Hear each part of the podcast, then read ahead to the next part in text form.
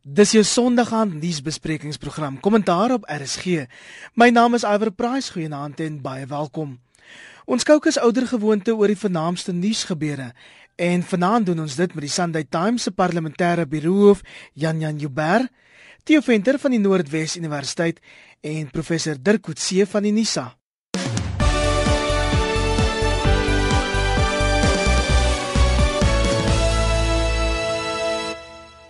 Kollegas, die nuustoneel is die week oorheers deur twee moordverhore, die van Shrin Devani en ook Oscar Pistorius wat nou Dinsdag gefonnis word. Kom ons begin by die Paralimpiese atleet wat van strafbare manslag skuldig bevind is na hy sy vriendin Riva Steenkamp doodgeskiet het. En die groot vraag op almal se lippe, Theo, is buitestraf of tronkstraf? Ja, ek dink dit is 'n groot vraag en dit was weer eens vir my um, verbasend dat dat Oscar so die media absoluut oorheers het en nie net Suid-Afrikaanse media nie, wêreldmedia. Of dit nou CNN was en of dit BBC was, jy het hom oral te gesien. En ek um, ek dink almal almal sit en wonder oor um, oor Dinsdag se uitspraak. En as mense geluister het na die getuienis wat gelei is deur die verdediging en deur die deur die staat dan um, lyk vir my hy gaan tronkstraf nie heeltemal vryspring nie maar ek dink hy gaan 'n ligter vonnis kry as wat ons oor die algemeen gedink het. Ons weer die staat vra vir 10 jaar Dirk, wat dink jy gaan gebeur? Ek dink my keuse gaan so goed wees soos enigiemand anders te sien. Ek uh, dink dis dis baie moeilik om om te te voorspel wat in die gemoed van die regter aangaan. Daar's sterk argumente na albei kante toe. Ek dink die die meer interessante saak vir my is nie noodwendig die vonnis nie, maar wat eintlik hierdie week gebeur het is is dat die hele korrektiewe dienste stelsel en die en die situasie in die tronke en spesifiek hoe dit uh, persone wat eh, 'n uh, gebrek het uh, hoe dit raak en uh, so vir my was was dit nie eintlik Oscar Pistorius wat hierdie week in die tronk uh, in in die hof was maar eerder wat is die hele uh, bestuurstelsel wat gesprake is um, in in die tronke en aan die een kant is daar 'n goeie prentjie geskets van die die tronke en aan die ander kant is daar baie negatiewe prentjie geskets daarvoor. Um, en en ek, ek dink dit is iets wat uh, wat meer relevant is vir die gemeenskap in die algemeen, um, as spesifiek nou wat die uiteinde van hierdie hofsaak gaan wees.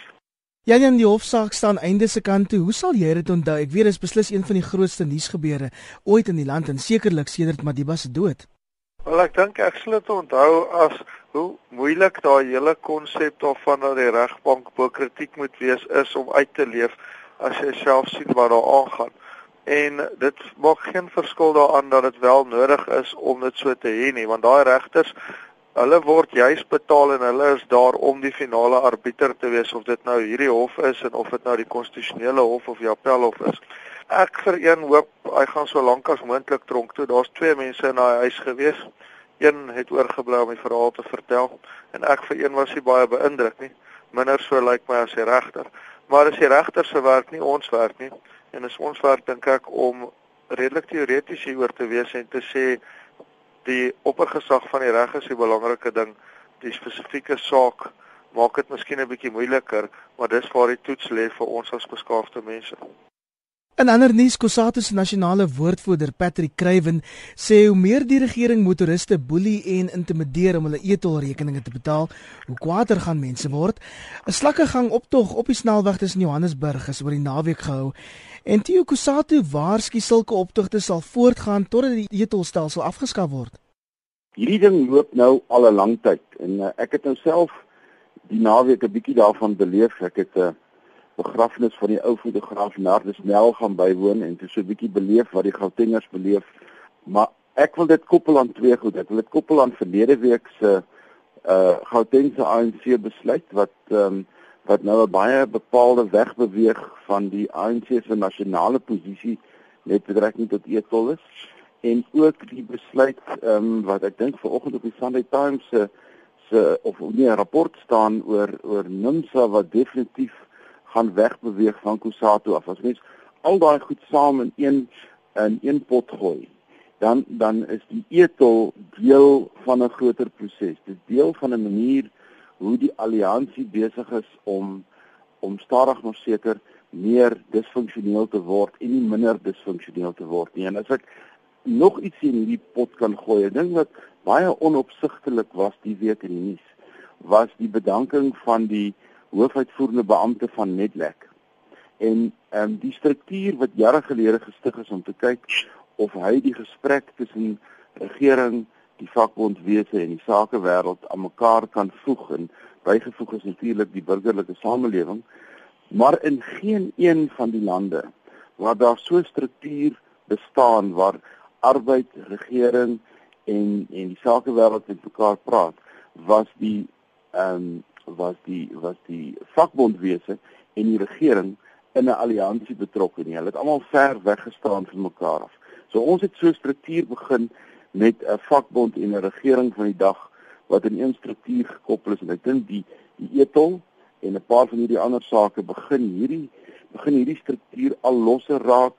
Ek wil nie voorskryf of of voorspel dat dit gaan breek nie, maar dit raak disfunksioneel en dit maak die regering van die land des te moeiliker dag by dag.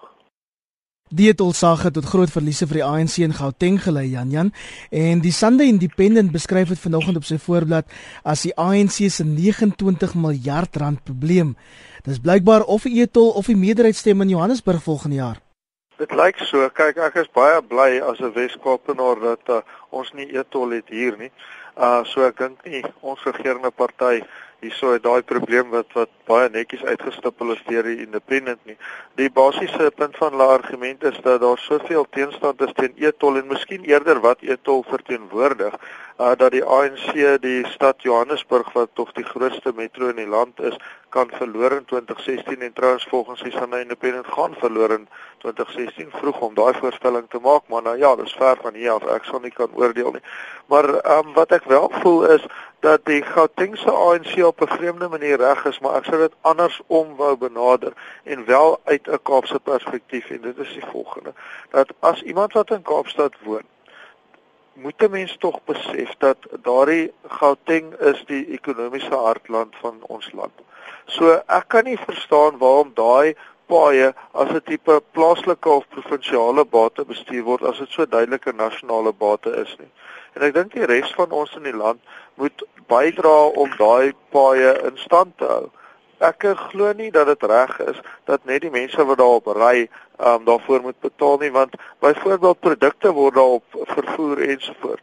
En heeltemal te reg sê ek weet die montage en dink ek 'n baie belangwekkende onderhoud wat City Press op bladsy 4 weggesteek het of 6 weggesteek het van hulle koerant en waarmee ek sou gelei het as ek hulle was dat ehm um, die Gautengse ANC moet ehm um, moet besluit en die land moet besluit of ons wil betaal vir hoë vlak infrastruktuur en of ons swak infrastruktuur wil hê. Nou ek stem nie saam met Willie Mantas dat dit beteken net Gautengers moet daarvoor betaal nie. As ons 'n pad bou in die Karoo, gaan ons sê net die mense wat daar op ry moet betaal daarvoor want jette dan gaan hulle betaal want daar ry min mense op daai paaie. Ek dink eerlikwaar 'n nasionale bate moet nasionaal befonds word en dit sal dit ook baie meer bekostigbaar maak in totaal vir al die regering 'n bietjie minder geld waaraan aanwend. So goed, ek weet baie min inwoners van Gauteng wil eintlik e-tol betaal, maar Dirk, is daar nie ander implikasies waarvan ons moet bewus wees tot die teendeel nie, byvoorbeeld ekonomiese implikasies? Ek dink die eerste instansie is is dit hoe dit nou vir Sanral draak as as 'n nasionale liggaam, um, omdat dit sy kredietwaardigheid baie definitief onder onder groot druk plaas, um, en vir die ontwikkeling van paaie, nasionale paaie en provinsiale paaie of spesifiek nasionale paaie in die res van Suid-Afrika gaan deur die probleme van hierdie uh, e-tolstelsel definitief geraak word. Um, en die vermoë van Sanral in die algemeen om byvoorbeeld in KwaZulu-Natal of die Wes-Kaap of die Noord-Kaap of, of waar ook al die die nasionale paaie in stand hou. Um, want die een ding wat ons wat wel te sprake is, um, en en wat nie werklik gedebatteer word nie, is die e-tol is die tolstelsels op byvoorbeeld die N1 of die N3 of al die groot nasionale uh, paaie um, wat nie werklik onder druk is nie. So dit lyk my asof daar 'n algemene aanvaarding, nasionale aanvaarding is dat vir die lang vir die lang afstand paaie is daar is die tol tol idee word dit aanvaar, maar nie binne metropolitaanse of 'n presidensiële uh, tipe van opset nie waar daar 'n hoë frekwensie van gebruik van paaie is um, wat dit beteken dat mense op eintlik on, onvermydelik uh, sekere roetes moet volg. Ek dink dit dit is die implikasie. Die die die groot debat dink ek in 'n groot mate is um, gaan dit oor die gebruiker moet um, betaal of is dit 'n nasionale bate? Is dit iets wat dat ons die die padstelsel van Suid-Afrika as 'n geïntegreerde nasionale bate sien of is dit gelokaliseer tot spesifieke plekke, byvoorbeeld Durban of Kaapstad, Johannesburg en Pretoria? En daardie debat is ek dink nie afgehandel nie. Um, Daar's nie duidelikheid daaroor nie. Diegene wat uh, daar's baie mense wat meer uit 'n ekonomiese oogpunt daarna kyk en sê dit is die gebruiker moet betaal. Ehm um, en ek dink nie dit is dit is vir baie teenstrydig teenoor die idee van dis die pad soos wat Jan Jan nou genoem het is is dat die die ekonomie in Suid-Afrika is geïntegreer. Ehm um, die padstelsels uh, volg daardie beginsel en daarom is dit nie onmoontlik om te kan argumenteer ehm um, dat net die die plaaslike gebruikers daarvoor verantwoordelik is nie. Want op die oomblik gebruik die die die paaie wat byvoorbeeld rondom Kaapstad of Durban gebou is word deur die nasionale fonds befonds, né? Ehm um, so daar geld die, die daardie beginsel nie. So ek dink dit is een van die probleme met die logika van die e-tolstelsel. Die ander een is dat ons het ons het 'n ander probleem ook hier en dit is Sanral is 'n agentskap. Met ander woorde, hy funksioneer amper autonoom binne die departement van vervoer. En my ervaring is Sanral is in 'n sekere sin 'n boelie. Hulle hulle doen goed en hulle tree op half en half buite die politieke raamwerk maar dit altyd maak hulle aanspraak op beskerming van die minister of die kabinet of wat ook al. Nie alleen het die eto daai rite geloop nie, maar tans is Sandra al besig om paaie te bou en te beplan uh oor uh, uh op pad Durban toe waar hulle ook sekere dorpe soos byvoorbeeld Harry Smit heeltemal wil uitsny wat natuurlik um, die hele plaaslike gemeenskap van Harry Smit in 'n in 'n toestand het maar hulle steur hulle gewoonlik net nie aan hierdie plaaslike oproepe nie. So ek dink 'n groot deel van ons probleem is die maaksel van van uh Nazir Ali en Mac Maharaj van 10, 15 jaar gelede wat genoem word Sanral. ja, Dirk wil jy weer daarop reageer?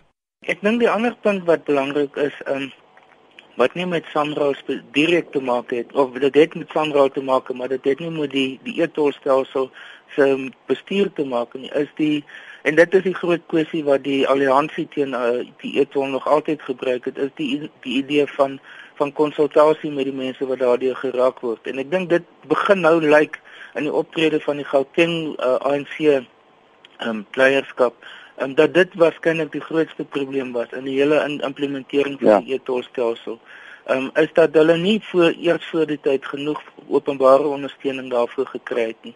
En ek dink dis 'n les wat die ANC hopelik nou baie baie goed geleer het. Um, in die manier waarop byvoorbeeld KwaZulu-Natal se ANC leierskap reeds uh, dit baie duidelik gemaak het. Um, dat hulle geen vorm van 'n e-tolstelsel in KwaZulu-Natal gaan toelaat nie. So daar en ek vermoed dieselfde ek dink dieselfde in die Wes-Kaap gesien. Meneer, kan ons aanbeweeg terwyl ons oor die ANC praat. Dis dit die presvet vanoggend berig oor die noodkreet van die ANC in Limpopo. En Theo, blykbaar het die provinsie nou heeltemal uitmekaar geval. Wat se jongste daar?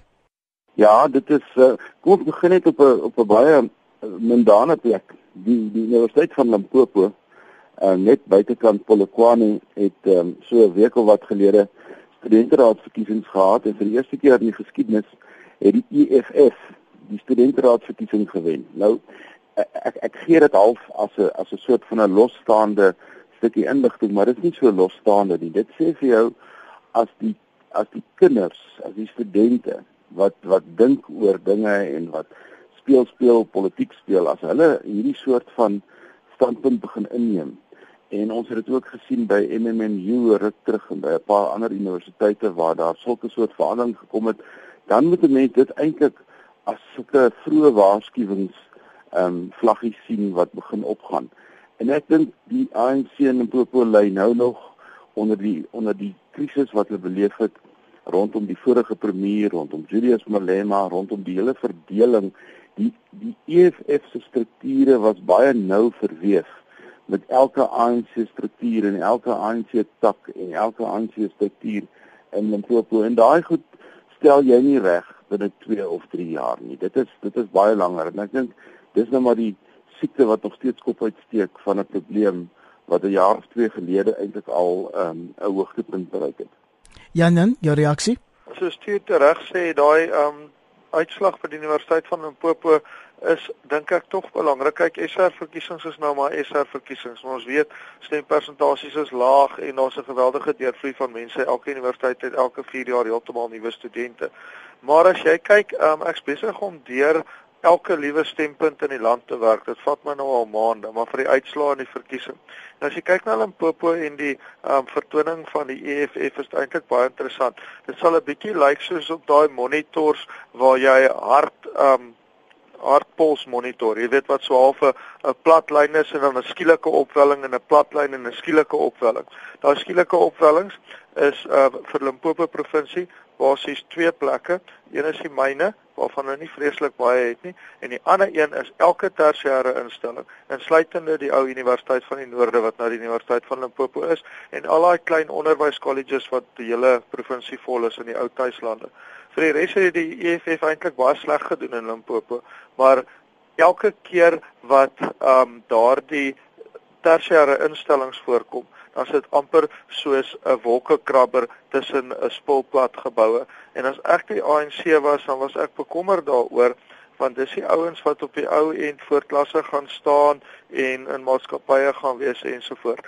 Weet nie of dit 'n langtermyn neiging is nie, maar vir hierdie jaar se verkiesing was dit so en dis dan nou um bevestig in die uitslae by die Universiteit van Limpopo net vinnig ook wat die NMMU, die ou Universiteit van Port Elizabeth betref en die Universiteit van Kaapstad, daai is natuurlik deur die DA gewen hierdie jaar, ook die ANC daar ontsetel. Wie moet wat doen om Limpopo reg te ruk? Ons weet die hospitale val uitmekaar, basiese dienslewering het basies tot stilstand daar gekom. Mense moet eerstens die regering van Limpopo moet ophou geld steel. Dit sal help. Um daar moet minder bedrog en minder wanbesteding wees. En ek dink dit is ook die boodskap wat die Gautengse ANC gee. Niks fokus politici meer as 'n bietjie teenstand nie. Die rede hoekom die ANC Gauteng wat die dieselfde mense bestaan wat dit nog altyd uitbestaan het, nou ewe skielik die regte ding doen, is omdat hulle sit met 53-52% steun volgens hierdie jaar se verkiesing. Dis deksels naby aan 50%. Dis deksels naby aan werkloosheid vir 'n uh, politikus. So in Limpopo dink ek uh, Theo lees dit heeltemal reg dat uh, hierdie um, skielike klaar blyklike besef want Limpopo het nie gister uit mekaar geval nie. Dis mos 'n langdurige proses. Dis 'n lang tyd, ja. Ja, nou maar hoekom het hulle nou skielik begin fokus want o wêreld hulle raak bekommerd en daar's niks so wonderlik soos 'n bekommerde regering nie. Dirk? Ja, ek dink Limpopo is vir die ANC nou een van hulle grootste kopseere. Ehm um, as mens terugdink aan 1994 was dit die provinsie waar die ANC al die allerhoogste meerderheid gekry het of die hoogste persentasie ANC ondersteuning. Ehm um, maar dit het heeltemal verander in die afgelope tyd en met die verkiesing van verjaar ehm um, het Limpopo oor die 6% steun verloor. Dink een van die, die groot probleme van Limpopo is die feit dat hy daar's verskillende streeksidentiteite binne Limpopo. Die die Wenda idee is besig om weer op te vlam en mens sien dit meer en meer dat daar amper 'n Wenda nasionalisme besig is om plaas te vind. Ehm um, dan is daar ander streke binne Limpopo wat nie met mekaar goed geïntegreer is nie. So daar is 'n 'n magstryd binne die ANC leierskap oor wie is werklik in beheer van die provinsie en die al, uh, in sy geheel. Ehm um, en dit skep dus faksies binne binne die die Limpopo leier, uh, ANC leierskap. Ehm um, ons het ook nou gesien hoeveel keer daar uh, binnengevegte was byvoorbeeld binne die die die jeugliga eerstens onder Julius Malema en toe hulle deur 'n ander groep uh, oorgeneem nadat Julius Malema uit is. Dieselfde met die provinsiale uitvoerende komitee. Um, en hulle moes 'n persoon van buite af bring om die nuwe voorsitter van die en nou die die premier ook te wees van die provinsie om te probeer om eintlik 'n relatief neutrale figuur in te trek.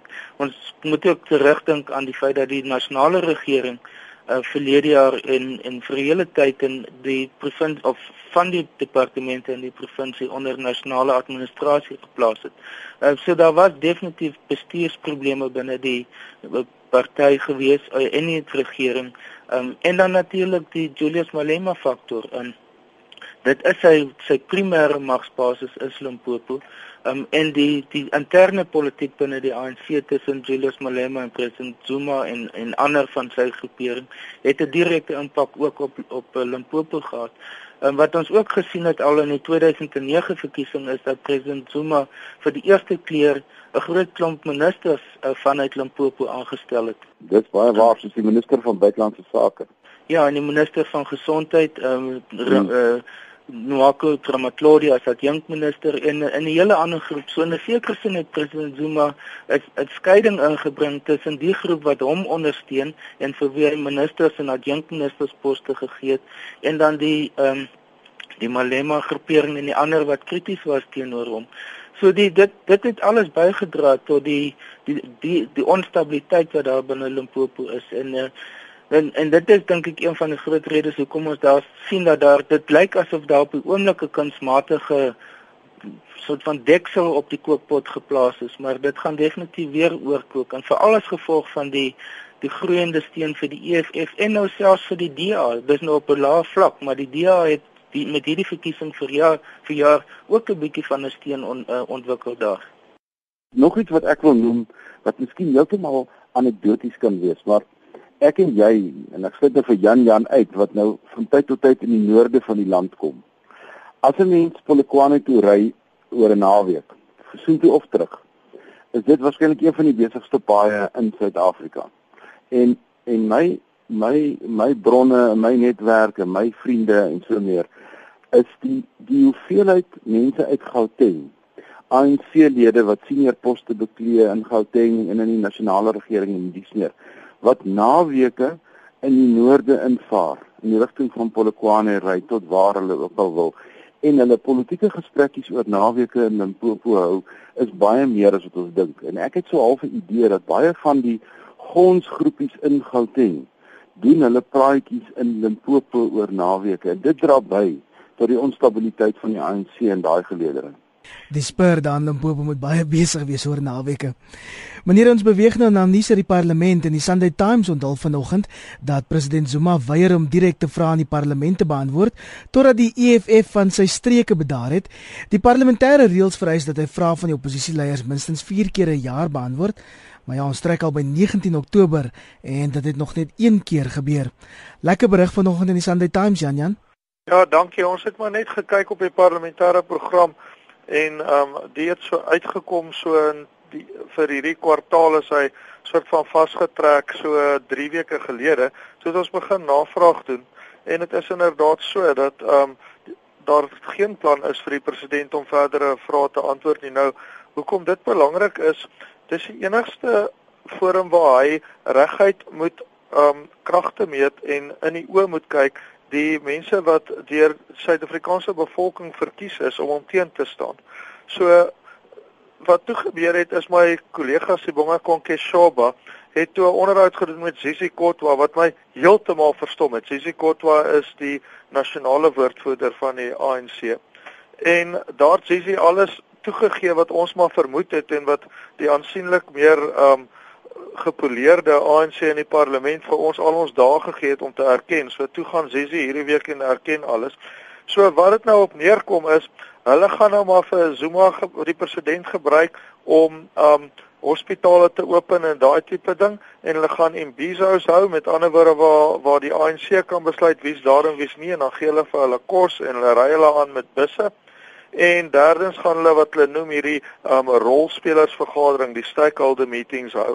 Um waar hulle nou byvoorbeeld ons weet mos hulle kry so nou na 'n paar Afrikaners wat hulle van hou, dan kry hulle hulle almal in 'n kamer en dan gesels hulle met hulle en dan dink hulle hulle het nou geskakel of 'n paar besigheidsmande of 'n paar ander etniese leiers of 'n paar geloofsleiers, maar dis alles maar mense wat die presidentskap self uitkies. Wat hier aan die gang is, is dat hierdie president is besig om te verdwyn. Hy's vermis. Hy gaan in die parlement wees hierdie week as hy luister hoe sy minister van finansies die mediumtermyn begroting aankondig. Maar hy neem nie meer deel nie.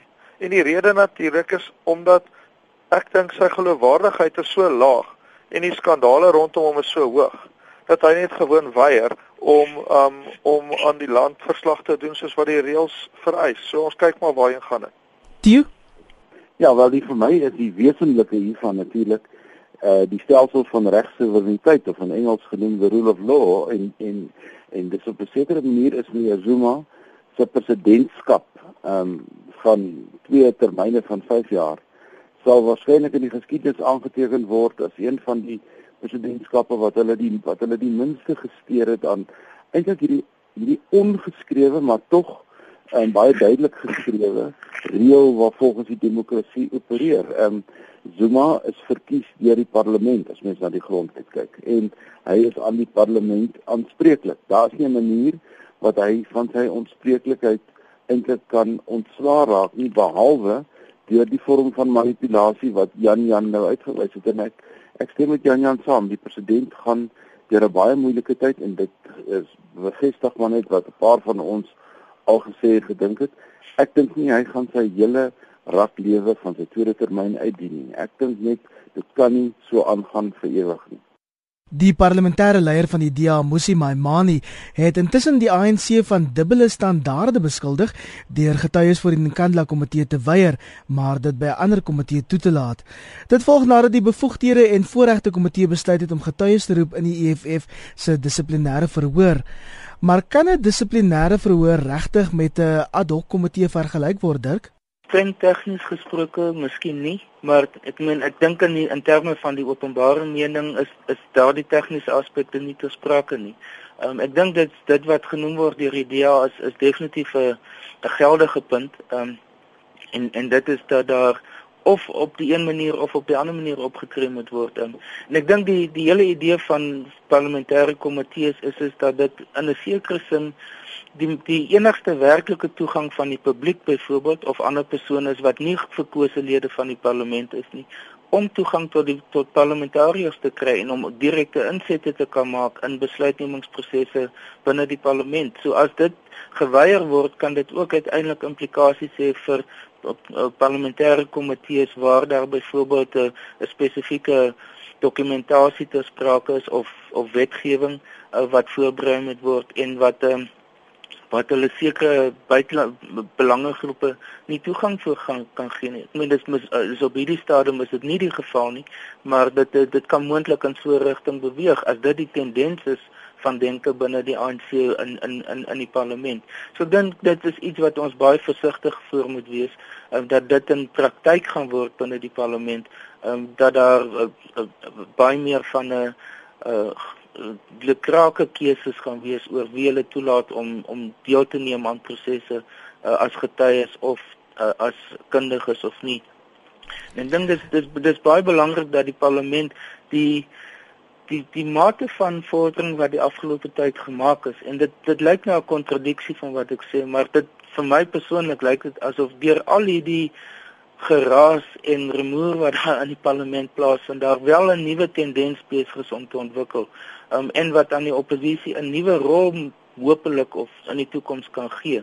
Um dat as dit nie toegelaat word nie, dan um, dan gaan dit terugval na die ou patroon wat daar in relatief pas, passiewe oppositie is teenoor die regering wat in 'n groot mate deur hulle getalle, deur die hoeveelheid lede van die parlement wat hulle het, bloot besluite kan kan deur stoomroller.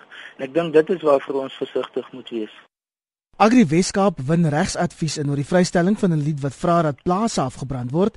Die Kaapse kletsruim groep Doku met onlangs die musiekvideo bekend gestel waarin hulle dit vra aan die burgerregte groep AfriForum het die groep van haatspraak beskuldig en sê hulle hits geweld teen boere aan. Jan, jy's nou in die Weskaap, maar hier in die noorde klink dit omtrent of die musiekvideo deel is van een groot georkestreerde politieke veldtog. Is dit regtig so? Sjoe, Iver, dis 'n moeilike vraag. Um ek weet nie want jy weet die die goeters die goeters vervoer ook maar op mekaar of uh, dit voet ook maar op mekaar jy weet. Die brandpunt is en bly maar die dorings. En die dorings is net 'n voorbeeld van 'n probleem in ons provinsie en dit is die probleem van seisonale werkers wat van elders kom en dan moet teruggaan na elders toe wanneer uh, of dis nou die ideaal uh, uit die boere se oogpunt uit. Maar dan kom die mense tot hierso vir werk natuurlik want hulle het nie werk elders nie Die werk wat hulle hier het is net vir 'n kort rukkie. Dis eintlik net vir die pliktyd, né? En dan um moet hulle nou veronderstel om terug te gaan Lesotho toe of um in die res van die land toe waar hulle nou vandaan kom maar dan wil hulle nie en hulle kan nie altyd nie want hulle het nie altyd soveel geld nie. En dan begin hulle nou hierso in die informele nedersettings of die plakkersgebiede wat jy dit ook al wil noem, hulle vestig. Wat baie tragies is, ek meen die een by Doring se naam is Stofland en dis nie net van nêrens af nie. Dis waar die naam kom nie.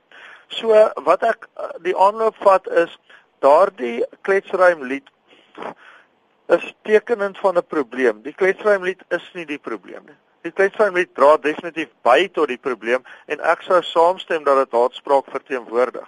En ja, jy kan dit oor die kop slaan en ek dink Afriforum is reg en Agri Weskaap is reg en al die DA is reg en almal is reg wat nou kwaad is daaroor. Maar eintlik gaan dit nie die probleem oplos as jy die kletsruim probleem oplos nie. Die groot probleem wat ons het is dat hierdie arme mense kom hier so aan en hulle wil ook maar net werk hê soos almal. Maar daai werk hou net 3 maande en dan sit hulle 9 maande basies vir kwaad geld rond. Dit is die probleem. Wat die oplossing is, is ek nie seker nie. Die verbanning van die kletsruim lied gaan nie die probleem oplos nie. Daar sou nie 'n mark vir daai lied gewees het as die probleem nie bestaan het nie. Die ons ja, nou praat oor Agri Weskaap se konferensie die week maar Dirk midde in die drama is 'n nuwe weergawe van wetgewing wat plaaswerkers se verblyfreg op plase versterk en dit gaan glo binnekort vir goedkeuring aan die kabinet voorgelê word. Ek dink die hele kwessie rondom en wetgewing oor die landbou in die algemeen is is is is 'n is 'n kookpot wat vanaf 1994 tot nou toe besig is om self te ontplooi. Ehm um, daar is was vroeër jare was daar die aspek oor wat in Engels genoem word tenants uh, wat op plase bly en wat dus uh eers verblyfreg gekry het en tweedens ook oor die die grond wat hulle op plase gebruik het. Saam daarmee was die die, die kwessie van die afsetting van plaaswerkers. Um nou het, het die het die ANC die besluit geneem oor die moontlikheid van 'n 50-50 verdeling van eienaarskap op plase. Um dan is daar daar nog 'n veelheid van ander aspekte wat ter sprake is. So die die die status van plaaswerkers op plase, die verhouding wat hulle het tot tot eienaarskap of 'n mate van 'n uh, aandelehouding aan aan plase, um, is is iets wat gedurig besig is om eers aangekondig te word, dan is daar 'n kwessie oor die implementering daarvan. Dit skep 'n groot mate van onsekerheid onder die die die landbougemeenskap in die algemeen saam daarmee nou is ook die die die heropening van eise teen in verplase. So ek dink in daardie opsig is die is die landbouomgewing relatief onstabiel uh, of is daar 'n hoë mate van onsekerheid oor wat die status is van eienaarskap, die posisie van werkers, die posisie van die plaaseienaars, die boere.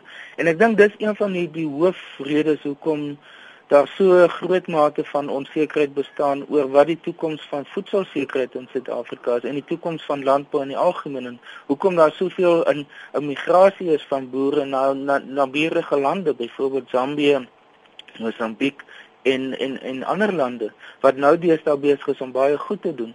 So ek ek sou graag wil sien dat daar 'n groter mate van sekerheid kom is dat as daar 'n aankondiging is oor 'n 'n nuwe besluit in of 'n nuwe bedeling binne die landboubedryf dat dit deur 'n meer inklusiewe proses plaasvind wat wat almal mee saamstem voordat daar 'n werklike aankondiging gemaak word. En ek dink dis dis een van die grootste leemtes wat daar in die bestuur van die landbou op die oomblik bestaan. Om daarbey aan te sluit ook 'n baie interessante konferensie onder andere oor grondhervorming hierdie week gehou Ja, ek dink Dirk beskryf die omstandighede baie baie presies um, in terme van beleidsonsekerheid in die landbou. En en en landbou is een van die groot areas van investering in die land en daaraan gekoppel voedselsekuriteit en alles wat daarmee saamgaan. Nou ek dink dat 'n baie belangrike ehm um, vergadering plaasgevind die week toe toe Agri SA sy nasionale kongres gehad het en meneer Nkwinti afgewyk het van sy voorgeskrewe toespraak en met die en met die aanwesiges die kommersiële boere die landbouers en um, um uit die uit die heup uit begin praat het na aanduiding van voorstelle wat deur die landbougemeenskap self ontwikkel is oor die pad vorentoe. Nou hierdie is vir my 'n uh, 'n baie belangrike gebeurtenis. Dit beteken dat die dat die georganiseerde landbou het het hand in eie boesem gesteek gekom met werkbare voorstelle uit eie geleedere wat genoegsaam ehm um, buigsaamheid um, beskik dat die regering sinvol daarna kyk. Ergens langs die pad en ek dink Dirk het dit gesê, um, in die in die vorige stukkie ergens langs die pad moet die landbougemeenskap in die breë wit en swart almal wat daarbey betrokke is en die regering as die beleidsmaker en die uitvoerder van beleid moet ergens bymekaar kom en daar moet sinvol besluit word oor die pad vorentoe want die landbou is net te belangrik vir nie alleen voedselsekuriteit nie maar ook stabiliteit in die platteland soos wat Jan Jan uitgewys het oor dit dorings dat ons op 'n manier hierdie gedeelte van die samelewing begin stabiliseer want jou sosiale um, jy hoef net deur um, die Vrystaat ry of die Oos-Kaap of die Noord-Kaap en te sien hoe die verdorping plaasvind in Suid-Afrika en hoe dit onvolhoubaar is dat klein dorpies met massiewe groot informele nedersettings langs hulle dit kan net eenvoudig nie volhoubaar so aangaan nie en ek ek sit nogal baie hoop op die op die paar basiese goed wat gesê is by Agri SA se kongres en die regering se reaksie daarop. Jan Jan, jou reaksie? Ja, kyk, um, ek dink mense het altyd daai 50-50 plan van Google en Quinty misverstaan. Eintlik het hy dit op die tafel gesit en ek bedoel dis nie asof dit vir jy weet dit was nie verborge nie, dit was wat hy van die begin af gesê het. Hy het gesê hier moet planne kom van van uh, georganiseerde landbou. Hy het gesê ek sit hierdie ding op die tafel as 'n beginpunt. Georganiseerde landbou kom nou asseblief met iets vorendag, want wat jy die regering moet ter ere nagee is dat so waar die georganiseerde landbou het vir baie jare nie eintlik 'n baie produktiewe bydrae gelewer tot die denkprosesse rondom die toekoms van landbou nie. Dit was soort van kom ons hou wat ons kan en ons is so half dikbek dan sal ons so nou en dan um iets toegee. En ek dink daardie um voorstelle van Gugulin Quinty was nie iets waaraan hy vreeslik verbonde was nie, maar dit was meer 'n poging om die gesprek aan die gang te kry en dis ook hoe dit destyds verduidelik het toe ons daaroor geskryf het. Dit verras my glad nie. En dit het, het gewerk. Want nou het die georganiseerde landbou lyk dit vir my met voorstelle voor in dag gekom wat 'n klein bietjie meer innoverend is. En dis hoogtyd. En ek dink daar moet baie eer gaan lyk dit vir my uit 'n rapport en City Press se beriggewing aan Lou Steytler um die vorige hoof van die Vrystaatse Landbou Unie dit verras my glad nie dat die goeie voorstelle die Vrystaat 'n goeie hand daarin het nie want hulle um landbouleierskap is baie oopkop um en ek ja, en, is baie bly dat die gesprek aan die gang is Hulle nommer 1 man Dan Creek is ook nou die onderpresident van van uh, uh Agri SA Nasionaal. So vrystaaters maak lyk my 'n groter impak in die landbou as in rugby. En dis maar, nodig, dis vragtig nodig want die Vrystaatse Landbou Unie doen uitstekende werk en ek dink as daar vir die landbou 'n meer um, realistiese siening gaan wees oor sy hede en sy toekoms, gaan baie daarvan uit die Vrystaat uit moet kom. Ons gaan wel vanaand se program moet afeindig met die mening van 'n Pretoriaaner. Dirk, jou reaksie? My ervaring van van die die binnewerking van Agri SA is dat daar oor 'n lang periode reeds gesprekke plaasvind. Ek ehm um, en dat daar uh, verhoudings met die regering oor tyd gebou is. Dit het nie noodwendig altyd in die openbaar uitgekom nie. Maar een, een van die forums wat voorheen bestaan het in die president Mbeki periode was die presidensiële skakelkomitee, um, wat nie in die Zuma um, regering bestaan nie en wat wat redelik produktief gewerk het. En ek dink dit is nou weer nodig dat iets soortgelyks tot stand moet kom um, om die um, die vloei van inligting en idees tussen die regering en en die landbougemeenskap te verbeter. Daar's ander fasiliterende liggame ook, soos byvoorbeeld Agrimega en ander wat ook 'n baie belangrike rol agter die skerm speel. So ek dink dis mens moet aanvaar dat daar is baie gesprekke wat plaasvind. Uh, dit is dit op 'n daar's 'n nuwe styl wat oor tyd ontwikkel het van die van opponerende kragte teenoor die van wat met mekaar in kontak kom en begin om ehm uh, meer in 'n gesprek in te tree. Ehm um, een aanduiding daarvan byvoorbeeld is die feit dat ehm um, die die eh uh, uh, Agri SA byvoorbeeld van die ANC se grootste konferensies bywoon en daar 'n stalletjie het en dat hulle in direkte kontak dus kom met met die ANC se leierskap. Maar dis maar net een klein voorbeeld daarvan. Daar's hele klomp ander ook. Ek dink dit dis 'n goeie punt. Um, ek dink die die landbou in die algemeen is die landboubestuur, die georganiseerde landbou in die verlede was dit was verkeerd verstaan of is nie was nie goed met hulle kommunikasie gewees na die na die publiek in die algemeen nie. En het ook nie afgesyfer na hulle lede op die op die grond nie. En ek dink dit het in 'n groot mate die onsekerheid geskep. Ehm um, wat ons nou nog uh, nog baie daarvan sien. Dis ongelukkig alwaarvoor ons tyd het vanaand op kommentaar hier op RSG. Baie dankie aan my gaste, ek waardeer julle tyd. Die Sunday Times se parlementêre biroo of Jan Jan Jubber Nanse Jan Jan. Baie dankie Iwer, dit was 'n voorreg. Theo Venter van die Noordwes Universiteit. Totsiens Theo. Goeienaand almal. En dan ook professor Dirk Coetzee van Unisa, Nanse Dirk. Goeienaand Iwer.